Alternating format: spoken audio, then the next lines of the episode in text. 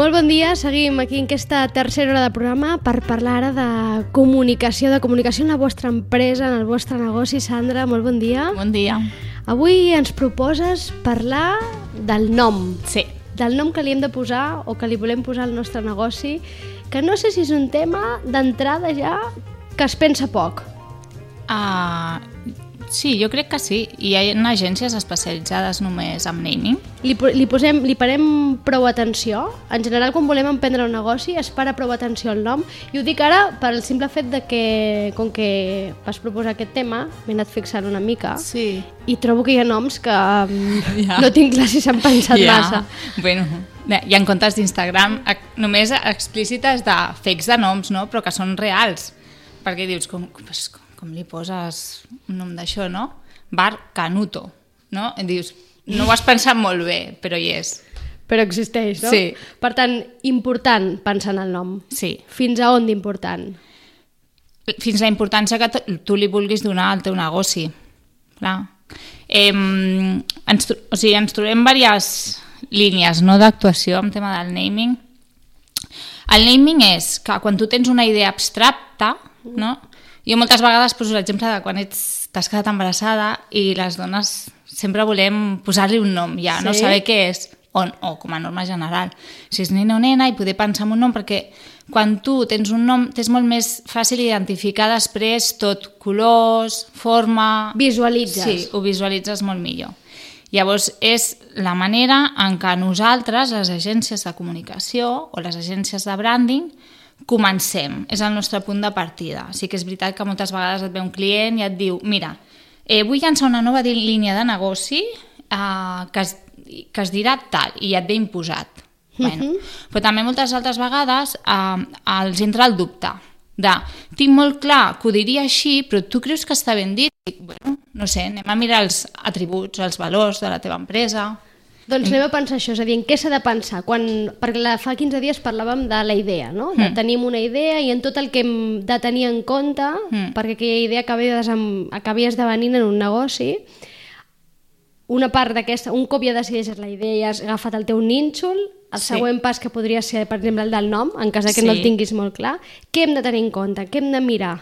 Hem de tenir en compte, primer de tot, el sector en el que vaig no? a, a atacar, entre cometes. Si és un sector um, tèxtil, per exemple, és una botiga de roba, eh, si és de dona o és de nen, clar, els noms són tan diferents. Normalment eh, podem buscar noms descriptius, però també podem buscar noms emocionals, o també podem buscar noms que siguin com molt impactants, disruptius, que es uh -huh. diu ara. Podem buscar noms que empatitzin molt, no? O podem buscar noms que siguin ah, com, com molt clar, més que talles grandes. Ja està. I ja està. És que tens un posicionament super ben fet, perquè si realment la botiga és de talles grandes i la tenda es diu talles grandes i el teu punt superimportant, domini el dia que decideixis fer-te la web, que tothom se l'hauria de fer, eh, és tallesgrandes.com, o sigui, tens una feina tan ben encarrilada que passa que d'altra banda això també t'especifica en un, Sí. un punt concretíssim Sí. que si mai a la vida decideixes Sí. sortir d'aquí el nom talles grandes Ah, ja sí, no et sí. servirà. No. no sé si hi ha regles bàsiques, és a dir, a l'hora de, Hmm. de pensar en un nom, no sé si hi ha tres o quatre regles bàsiques que cal tenir en compte. Vale. Com, per exemple, ara parlaves del registre. Entenc que Sí. deu ser gairebé el primer que has de fer. Mira que, Bueno. que, que no estigui registrat aquell nom. Sí, primer, sí, prim, primer hem de pensar el nom, però que ja et dic, el nom, eh, des de, sobretot que tingueu clar el negoci que voleu emprendre vosaltres, eh, amb què li solucionarà la vida al consumidor. No? Quin serà aquell benefici emocional? També el benefici funcional. Però tenir molt clar llistat de... Ara m'imagino, eh? per exemple, Sí? un client potencial que em va passar fa dos anys que eres mm, psiquiatre Sí? i, i volia englobar diferents disciplines en un mateix despatx i necessitava obrir-lo a Barcelona. Llavors el que vam fer és, vale, però ja què tracteu? Tractem grans, tractem adults, no? tractem Sí? nens, tractem famílies amb problemes, tenim psicòlegs, psiquiatres, reforçadors... Clar, hi ha molts professionals, has de fer un nom molt global. Aquí no, no podem Concretar. concretar. Mm. Llavors, bueno, doncs anem a buscar um, trets característics del vostre tipus de, de, de teràpia, no? Com és? Eh, és una teràpia més estratègica o és una teràpia com molt més funcional o és una teràpia, eh, per exemple, gestal, que és algo Sí. com que és més empatitzadora. Hem de buscar aquests atributs i mirar si alguna d'aquestes paraules pot empatitzar en el nostre consumidor. No? Uh -huh. Per exemple, paraules que sortien acompanyament, no? Uh, tranquil·litzador. Ah, Hi havia molts adjectius que ens ajudaven. Però també vam veure que ens faltava un punt de serietat, perquè un psiquiatre no es pot permetre tampoc ser eh, excessivament proper. Llavors vam anar a paraules eh, molt, molt, molt, molt, molt, molt més, eh, com diria, de llibre, no? Sí. de, teòric i, i de, de ciència. Més tècniques. Més tècnica, més de medicina, més... Però no deixava de ser um, una paraula, tenia que englobar el que es feia allà. I vam anar a buscar la paraula teràpia, però li vam ficar a l'acabament um, teràpium. Uh -huh. I allò semblava no, una mica de l'època de Platón, perquè Sí. et dona una, una certa credibilitat. Perquè ha aquest que final de llatí, Exacte, no? Tot el que és llatí, en certs sectors, eh? És poc recomanable però si fas en el moment just per aquell sector que sí, sí escau, l'advocacia... Uh -huh. doncs, doncs és, un, és un nom que pot funcionar molt bé. I, i així vam anar fent. Per tant, al final es tracta molt de provar, Sí? de buscar doncs, això, trets, i mm, no sé si quan et parla, preguntava abans per regles bàsiques, et preguntava també per regles del tipus, és a dir, per exemple, recomaneu que sigui curt, Sempre. sempre millor curt Sí, que però quatre de- paraules. exacte. Per un tema de que es quedi més en la ment, Sí, de que és, arriba és millor. més fàcil de recordar, és, memòria fotogràfica també és molt important, llavors en seguida amb un clic ja, ja ho tens, eh, la sonoritat també és molt important, quan més curt possible, més fàcil. Si un, si un nom, per exemple, pot tenir un joc, encara que sigui més llarg però et pot donar joc, doncs vale, també. Després, noms, per exemple, també ens hem de plantejar. Joc, però no canuto, per un bar. No, no, exacte, exacte. Ah, ens hem de plantejar l'idioma. Uh -huh. Clar, el meu target, el meu consumidor, d'on és? On em comprarà? Sí, català, castellà... Anglès o estranger. Sí, amb el tema dels noms eh, no hi ha problema. Per, a, igual que a, en, els, en els locals i, i comerços i tot, està molt regulat això, però el que és el nom no t'obliguen a que sigui en català sempre. Per tant, fàcil també de pronunciar i d'escriure, Sí, entenc, pel que sí, estàs dient. Sí, I això, és. I això és prova-error? És a dir, Sí. proves, comentes... Com, com Sí. le- el millor entenc que aleshores és fer com una mica de pluja d'idees que diuen un i anar provant... brainstorming, sí, això sempre. Després de tots aquests adjectius i demés, el que fem és un brainstorming i en triem com quatre. Vale? Després de triar aquests quatre, el que has de fer és anar-te'n a internet i buscar que no n'hi hagi ni aquí, ni a Barcelona, ni a Pamplona, i si ha de ser possible, si no hi és a França, doncs millor. Millor. Sí. Que no Contrastar, un altre negoci sí. amb aquest nom exacte, idèntic al Exacte, teu. exacte. I per tant, a més, i després entenc que el següent passaria a registrar-lo en cas de que es decidís que fos aquest? Sí. O això s'ha de mirar primer també? No, el, el tema de les patents i marques i el registre mercantil, nosaltres sempre ho demanem. Val uns diners i no ens fan molt de cas. És a dir, No? l'autònom o el petit comerciant, tu li dius, et diu, sí, sí, ja ho sé que ho he de fer, ja ho sé, registra'l, perquè podem tenir algun problema, registra'l, vale. Després nosaltres també diem, a veure, si el dia de demà li posem una coma al revés o li posem... Podem modificar alguna a nivell gràfic que allò, si algun dia algú se'ns posa una mica així a la defensiva, doncs ho podem argumentar. Anem a això, al modificar. Els noms són, han de ser modificables i poden ser modificables o fins i tot en algun moment recomaneu que siguin modificables al llarg de la història d'algun negoci, d'alguna empresa? eh, els noms poden ser modificables, moltes vegades per llei estàs obligat a ser modificat, sí o sí. Per exemple, en un cas que jo m'hi vaig trobar quan treballava per Danone, tot el que era bio s'havia tornat un genèric i el bio tenia que deixar de dir-se així. Llavors, durant sis mesos vam fer un, un pack o una, una campanya de transició que es deia Ahora Bio se llama Activia. I la paraula bio i Activia sortia en gran a tot arreu. Uh -huh. Fins que aquell iogurt va acabar dient-se Activia. Vale. El correcte és això.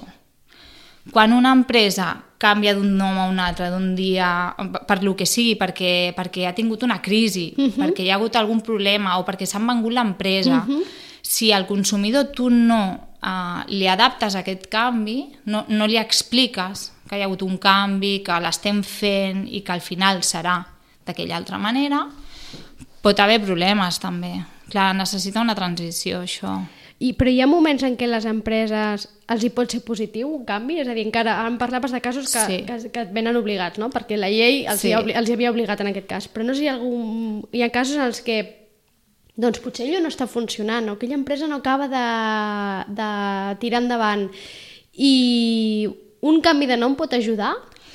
Un canvi de nom s'hauria de mirar. Jo sóc més pro al canvi de branding, uh -huh. d'analitzar una mica tot, el naming, eh, el producte, com ho empaqueto, eh, com, on t'ho distribueixo. Igual és alguna d'aquestes coses, de l'estratègia de marca que no està funcionant. No té per què ser el naming, perquè precisament el nom és una cosa que quan se senta eh, és difícil de, de, de canviar, uh -huh. perquè fem molta feina perquè la gent l'interioritzi. Llavors, com no estiguis una mica forçat a canviar-ho, així com així, si no tens el, algun problema, no t'aconsellem canviar-lo. La marca sí, eh? el restyling de marca sí. I, clar, perquè quan entem, parlem de naming, en parlem d'això, El nom. De, del nom, que mm. forma part, diguéssim, del branding, però és sí. com una primera part, sí. no? És la, el, sí. el pas 1 Exacte. del que farem després i que ho veurem en properes setmanes, altres passos i altres qüestions sí. del, del branding. És difícil trobar aleshores un nom adequat? És a dir, entenc que si ara ens està escoltant algú que té una idea, que té una... Mm, té alguna idea de com li agradaria que es digués si veu que això no, que no se li ocorreix res en dues, tres setmanes, és lo normal? És a dir, sí. és difícil trobar un nom adequat? Poden passar... Sí. Perquè, no, igual algú ens està escoltant i diu ostres, jo és que no sóc creatiu, jo és que no, no, a mi no se m'acudeix cap nom original i que tingui a veure amb la meva marca o... Que busqui molt per internet, a veure els seus competidors que fan, i després si tu trobes... Jo, és això una tècnica que fem servir, jo ràpid i que a vegades funciona molt és el diccionari de sinònims i antònims, és fantàstic. Uh mhm. -huh. Llavors, és agafar el diccionari i començar a mirar paraules, paraules, paraules, paraules, i hi ha, hi ha vegades que de cop i volta una t'aporta una cosa, però aquella paraula t'emporta una altra i pots fer com un joc de paraules o paraules al revés i... I aquella cosa que es feia abans, ara ja no es veu tant, de eh, les dues primeres lletres del nom d'un soci i les ah, dues sí, últimes del nom, sí. això entenc que ja ha, ha passat a la història. Això són sectors concrets, també, que encara ens hi trobem. L'advocacia és un d'ells... Uh, sí, alguns sectors, perquè, bueno, uh, o en publicitat, per exemple, una de les agències més importants de Barcelona és SC, era, era perdó, SCPF, eh, la del Toni Sagarra. Llavors, eh, sí, les sigles o les inicials encara depèn en quins sectors es segueixen utilitzant. L'ús d'acrònims, per exemple, és també interessant? O potser hi ha sectors que sí, però... El mateix, també hi ha sectors que sí, però hi ha sectors que no. Que el, que el consumidor ja no, ja no empatitza tant. Amb un acrònim. Per tant, al final estem buscant emocions, Sandra? Sí, sí. Emocions o ser el més clars possibles. Sí. Anar a buscar allò que l'empresa i que el nom mm, comuniqui allò que tu estàs venent o, sí. o, o proposant. És que el nom hauria d'ajudar de, des d'un inici el nom la idea és que ajudi a entendre la idea de negoci però moltes vegades la gent prefereix pujar un nom que transmeti una emoció mhm. -huh. tenim per exemple el, el cas de, de bueno, vam fer la imatge corporativa per a una botiga de Vilanova però la, la seva propietària tenia molt, no tenia ni idea de com, de com seria allò, a nivell de colors, de tipografia, no sabia res, ni, ni com seria la botiga, però tenia molt clar el nom de la botiga perquè era una paraula que li agrada, Happy Days, no? I, i clar, jo com, al principi quan me la va dir, la vaig associar en seguida a una botiga de nens. Mm -hmm. Perquè ho vaig trobar tan dolç... I no, I, i no, no em va dir, no, no, és una botiga de, de roba de noia, a part, molt xula, amb un estil molt folk, mm -hmm. nòrdic. Llavors, ella ho va tenir superinterioritzat, que després tot el branding, ella ens va passar el que nosaltres demanem sempre, que és un briefing Sí? molt ben detallat, i eh, gràcies a això, pues, tota la marca ha anat creixent d'una Per tant, forma... de vegades, de vegades aleshores el ritme és a la inversa, no? És, tens molt clar que Sí. hi ha un nom, una paraula, que, que t'agrada molt, que et transmet molt allò que Sí. tu vols, i a partir d'aquí treballes la resta. Exacte. I tu aquell nom te'l fas tan teu que, que ja es personifica jo. No sé, per molt que tu haguessis pensat que jo podia ser d'un altre nitxo o d'un altre sector, la persona ho treballa tant a nivell de comunicació que, que funciona. que, Sí, sí. que queden en, en, Sí, queda en la ment. Queda en la ment i, i després entenc que aleshores també deu ser més fàcil eh, fer la resta de feina de branding, no? Perquè si ja Sí. tens un, una idea clara de... Quan si el ja ho té tan clar, Sí, quan el client ho té clar, és molt més fàcil. i quan el client ho té clar, i en el cas vostre, les, les professionals o els professionals, teniu clar que no, que s'està equivocant, què passa? pues ho Perquè diem. això deu passar, no? Sí, i ho diem, ho diem, ho diem clarament. Ho diem clarament. El que passa que hi ha, hi ha molta diferència entre quan treballes per una empre mitjana, gran empresa i, i la persona, l'emprenedor, uh -huh. no, de carrer que es mou molt pels feelings i el que m'han dit. Llavors, clar, a- en un cantó nosaltres tenim molts estudis que corroboren que això no funciona, tenim estudis que ens diuen que és molt millor anar per aquí, que l'estratègia X té que funcionar d'aquesta manera i, el, i en canvi l'emprenedor pues, eh, Es mou més per es- sensacions. Molt per sensacions, molt per sensacions o tinc un amic que m'ha dit que ven molt per, per Instagram, ven molt, molt. Té una botiga de roba que no li entra ningú, però ven molt per Instagram.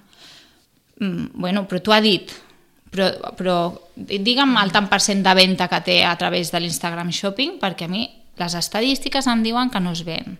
Llavors, igual aquest home de Reus és l'únic que ven, però no sé si ella et diu que ven, llavors, clar, has de lluitar amb això. Llavors, nosaltres intentem sempre donar tots els arguments possibles per assessorar-te amb la millor direcció possible, però la decisió final sempre és la de l'empresari. Nosaltres fem una feina d'acompanyament, de consultoria, d'assessorament estratègic, però al final eh, decideixen ells. Sandra, i, i creus que mm, manca creativitat a l'hora de buscar noms? És a dir, no sé si hi ha sectors en què potser és tot com molt repetitiu, no? Per exemple, mm. abans parlaves en el sector de l'advocacia i aquests sectors, mm, no Sí. tinc molt clar que aquí... Bueno, potser no sé fins a quin punt en aquests sectors es pot ser massa creatiu. Mm, S'intenta, però sí que és veritat, i, i parlo amb coneixement de causa perquè durant uns anys vaig treballar per, per l'il·lustre Col·legi d'Advocats de Barcelona Sí. i ara, curiosament, a ADE també portem, ADE Comunicació, deixa'm fer una Sí, mica de publi, fes, fes, que és l'agència de, de Terrassa on treballo, eh, portem l'il·lustre Col·legi d'Advocats de Terrassa. Llavors, què et passa? E, ells van, van amb una dinàmica des de fa molts anys eh, que tot el que és un canvi com que passa per junta, ho ha de validar el degà, o sigui, hi ha molts interlocutors, clar, les feines es fan molt feixugues. I també aquests interlocutors, tot i que eh, als últims anys entra molta gent a la Junta que pot ser més jove ja, Sí. però també hi ha molta gent més gran i qualsevol canvi els hi fa por. Més que res perquè tot el d'aquest sector també s'ho miren amb lupa. I els canvis en general fan por. Fan por, sí. Però sí que és veritat que hem aconseguit, eh, tant el de Barcelona com, i ara ho estem fent amb el de Terrassa també, de, de que pots, potser no podem ser creatius amb la imatge corporativa institucional, no? amb el logo de, de l'ICAP o de l'ICATER no podem jugar molt, però sí amb la implementació de tota la comunicació interna, codificació de colors nous, molt més vius, el to dels missatges o dels anuncis quan els envien per mailing no pot ser allò una newsletter gris, només amb text. Bueno, i amb el que són la, els elements de la comunicació es van, es van posant les piles. Per tant, al final, to, en, tots, en tots els sectors es pot aplicar creativitat. Sí. Hi ha alguns que entenc que mm, et donen via lliure no? per ser creatiu des del nom fins a tot el que fas. Hi ha d'altres, com el que deies, no? que potser no es Que pot ser tan difícil. creatiu amb un nom, però sí amb altres aspectes de la comunicació. Seguint amb el tema del nom, Sandra, Mm. i mm, aquestes propostes de noms irreverents que n'hi ha, abans parlaves aquest Bar Canutó, que Sí. més que irreverent, no sé si dir-li... Bueno, no, no sé. No l'he buscat. No, no he pensat de buscar-ho, eh? fent Però una és que hi ha promoció. fakes. No sé ni si és. Crec que Però hi estava... ha noms que són irreverents d'entrada, Sí. no? És a dir, que mm, impacten per, precisament per això. Perquè, Clar, ja perquè... busquen això. I, però aquests noms, per exemple, però no estan, no, no t'estan transmetent una emoció. Sí, del, però no perquè si tu em dius que és irreverent, ja t'està creant una Sí, emoció. però no relativa, és a dir, el que volia dir és, no t'estan transmetent el, segurament el que vol, o potser sí, no sé, ara que em dius això em fas pensar, Sí. el que vol l'empresa. Una sacsejada segur que te la fa. Per, de, per agradable o desagradable. Després ja hem de matitzar, però, però si no et deixa indiferent, ja és algo. Que, no- que, que no vol dir que sigui bo, eh? Però si no et deix... dius, ostres, i se't dir, queda, se't queda, dius, però com li posa aquest nom? no? Com li posa aquest nom? Clar. Clar, és que a mi ara em ve al cap el nom d'un restaurant aquí a Sitges, mm. -hmm. abans en parlàvem, que, mm, que té un, un nom molt irreverent, el direm perquè si no la gent no ho entendrà, que és el restaurant Zorra, la Zorra, Sí. clar, d'entrada, dius, caram, restaurant que es diu La Zorra sona molt potent, a, ban a banda que fonèticament té un so Sí. potentíssim. Clar, després resulta que és una arrosseria i que Zorra és arròs al revés. Exacte. és un joc de paraules, clar, això. Sí. Però clar, d'entrada és, mm, és veritat que, que el, quan la primera vegada que el vam sentir tots vam dir caram, quin valor posar-li aquest nom en un restaurant. Sí. El que passa que jo, jo en aquest cas estic convençuda que s'ha fet totalment expressament, que ella ha buscat sí. Quien lo entienda, genial, porque es mi público. Quien no lo entienda no pasa nada. No, perquè no vindrà. Sí. No, I de fet, coneixent el, el propietari, que va estar aquí per cert fa uns dies, el, el Pablo Albuerne, doncs... eh, Segur, se- no? Segur que és el que dius. Però entenc aleshores que mm. és, pot ser una altra estratègia, no? Anar a buscar això, Sí. cridar l'atenció, precisament Sí. per ser irreverent, per ser fins i tot alguna paraulota o alguna paraula malsonant. Sí, o sigui, coses que puguin ofendre, no. Això segur que no. Eh, has de triar un nom que, que, bueno, que dins de la jerga normal de la gent estigui mitjanament acceptat. Eh, Sí, o sigui, Quins són els casos de noms de més èxit que, que vosaltres sempre exposeu en, no sé, quan, us, quan feu reunions, us demanen potser reunions per, per parlar del nom, no sé què, hi ha algun cas que diu, mireu, aquest cas és un cas flagrant d'è- d'èxit total amb una paraula. No sé, és que hi ha tantes que hi marques ha- que tenen noms hi ha tantes marques. potentíssims, no? I que van molt tant- lligats. O sigui, Apple, per exemple, Sí, Que és que però és- és que Estapet ha tingut problemes amb el seu nom. bueno, amb, amb la seva imatge corporativa, pel tema de la poma. Però, a, bueno, Apple podria ser un, un, Clar, un però és que el nom exemple. és poma, o sigui, és que en el Però fons- bueno, eh, totes aquest, tots aquests noms tenen darrere seu un storytelling, mm, vale? que és el que realment al final acaba venent el nom, la marca... Llavors, si tu tens darrere una bona història i a més a més poses els mitjans per explicar-la, allò ho justifica tot i crees molta connexió amb el teu públic. Per tant, és interessant que darrere del nom que posis creïs història. Sempre, sí. Sempre, i més amb, amb l'època que vivim ara, de, de les xarxes socials, els blogs i de més, sense una història, uh, no, no, la, la gent vol saber d'on ve allò, tu qui ets, i què, te passó, què et va passar abans perquè hagis arribat aquí. I per què es diu d'aquesta manera, Sí. i per què fa servir aquest Sí. color, Sí. i aquesta tipografia, i, aquest, i aquesta imatge. Qualsevol, qualsevol element que tu puguis argumentar mitjançant una història, si t'hi fixes, les el tema dels nens és com una mica delicat, eh? però qualsevol història de superació que hi hagi les marques que fa Nike, buscar gent que se supera a si mateix. O sigui, les marques busquen exemples de superació, les marques d'esport, per exemple. I tot això són històries. Si no hi haguessin aquestes històries, vendre sabates de, de no, zapatilles de running ho poden fer moltes marques, però qui explica la millor història de tots? Pues aquest és el top of mind, no? que li diguem nosaltres, Sí. el que està dalt de tot. Per tant, un nom ha d'emocionar? Sempre. O sigui, ha de ser clau això. El nom del, del nostre negoci ha d'emocionar. Sí. I emocionar no vol dir que ens posem a plorar, eh? Vol dir... Ojo, a veure, mm, sector salut, eh, clar, Clar. Quan, hi ha molts sectors que no, no poden emocionar perquè, no sé, un hospital a corazón abierto, no sé, no me l'imagino dient així, no? Però, però bueno, hi ha certs sectors que el que ens permeti jugar amb l'emoció de, del nostre consumidor l'hem d'agafar, sempre... Ai, perdó, que m'atraganto. L'hem d'agafar sempre. Molt bé, doncs escolta'm, ens queda clar el tema del nom. Ja vam parlar l'altre dia de la idea, ara parlem del nom. Mm. Pensar, diccionari, crear una Sí. mica, crear història al darrere per poder-lo explicar, no? Per quan algú ens digui per què es diu d'aquesta manera la teva botiga o el Clar. teu negoci o allò que has emprès, que Explica puguis, història. que puguis tenir alguna que dir, no mm. perquè un dia em vaig llevar i vaig pensar aquest nom i prou, no? Molt bé, Sandra, doncs d'aquí 15 dies seguim parlant Que de, bé, de bé. comunicació. Gràcies. Adéu, nosaltres seguim. Adéu-siau. Ah.